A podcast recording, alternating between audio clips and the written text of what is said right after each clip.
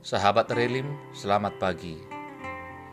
Marilah mendengarkan firman Tuhan hari ini, Rabu 18 Maret 2020. Tertulis dalam kitab Titus pasal 2 ayat 11. Karena kasih karunia Allah yang menyelamatkan semua manusia sudah nyata. Demikian firman Tuhan. Saudara-saudari, Yesus adalah jalan yang ditentukan Allah agar kita menerima keselamatan. Inilah yang ditekankan oleh Paulus kepada Titus. Tidak ada keselamatan yang ditetapkan Allah selain di dalam nama Yesus Kristus. Yesus Kristus adalah kasih karunia yang nyata bagi kita.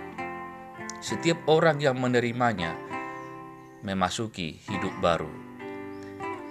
Jika kita menyatakan kasih karunia Allah telah nyata di dalam Yesus Kristus, itu berarti secara bersama-sama setiap orang percaya harus meninggalkan gaya hidupnya yang lama, yaitu iri hati, kebencian, kemunafikan, dan segala bentuk dosa, kefasikan, dan segala keinginan-keinginan duniawi.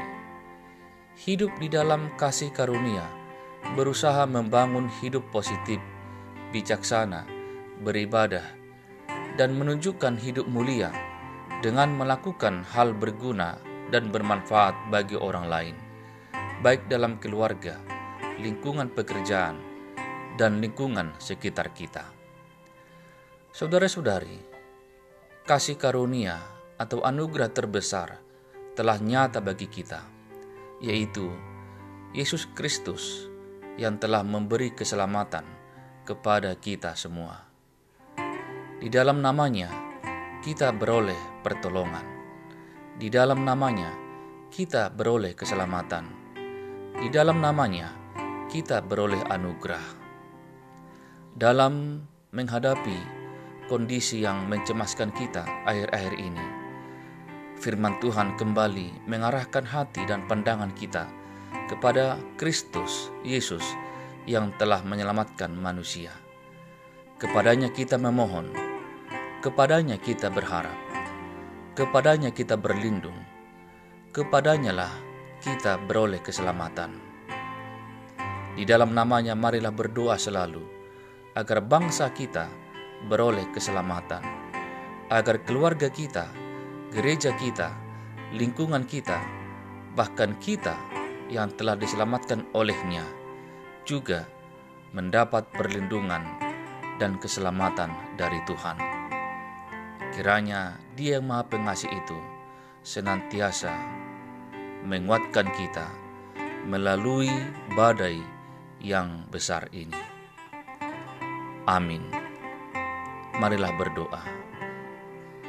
Ya Tuhan Allah Bapa kami di dalam Yesus Kristus, kami percaya bahwa di dalam namamu kami beroleh pertolongan dan keselamatan. Berilah kami kemampuan untuk menghadapi gelombang hidup yang begitu besar yang kami alami saat ini. Biarlah kami senantiasa bergantung pada kemurahan-Mu sambil menjaga dan meningkatkan kewaspadaan, menjaga imunitas tubuh kami agar tetap sehat dan kuat. Terima kasih Tuhan, kepadamu kami memohon. Amin. Selamat bekerja, selamat berkarya. Shalom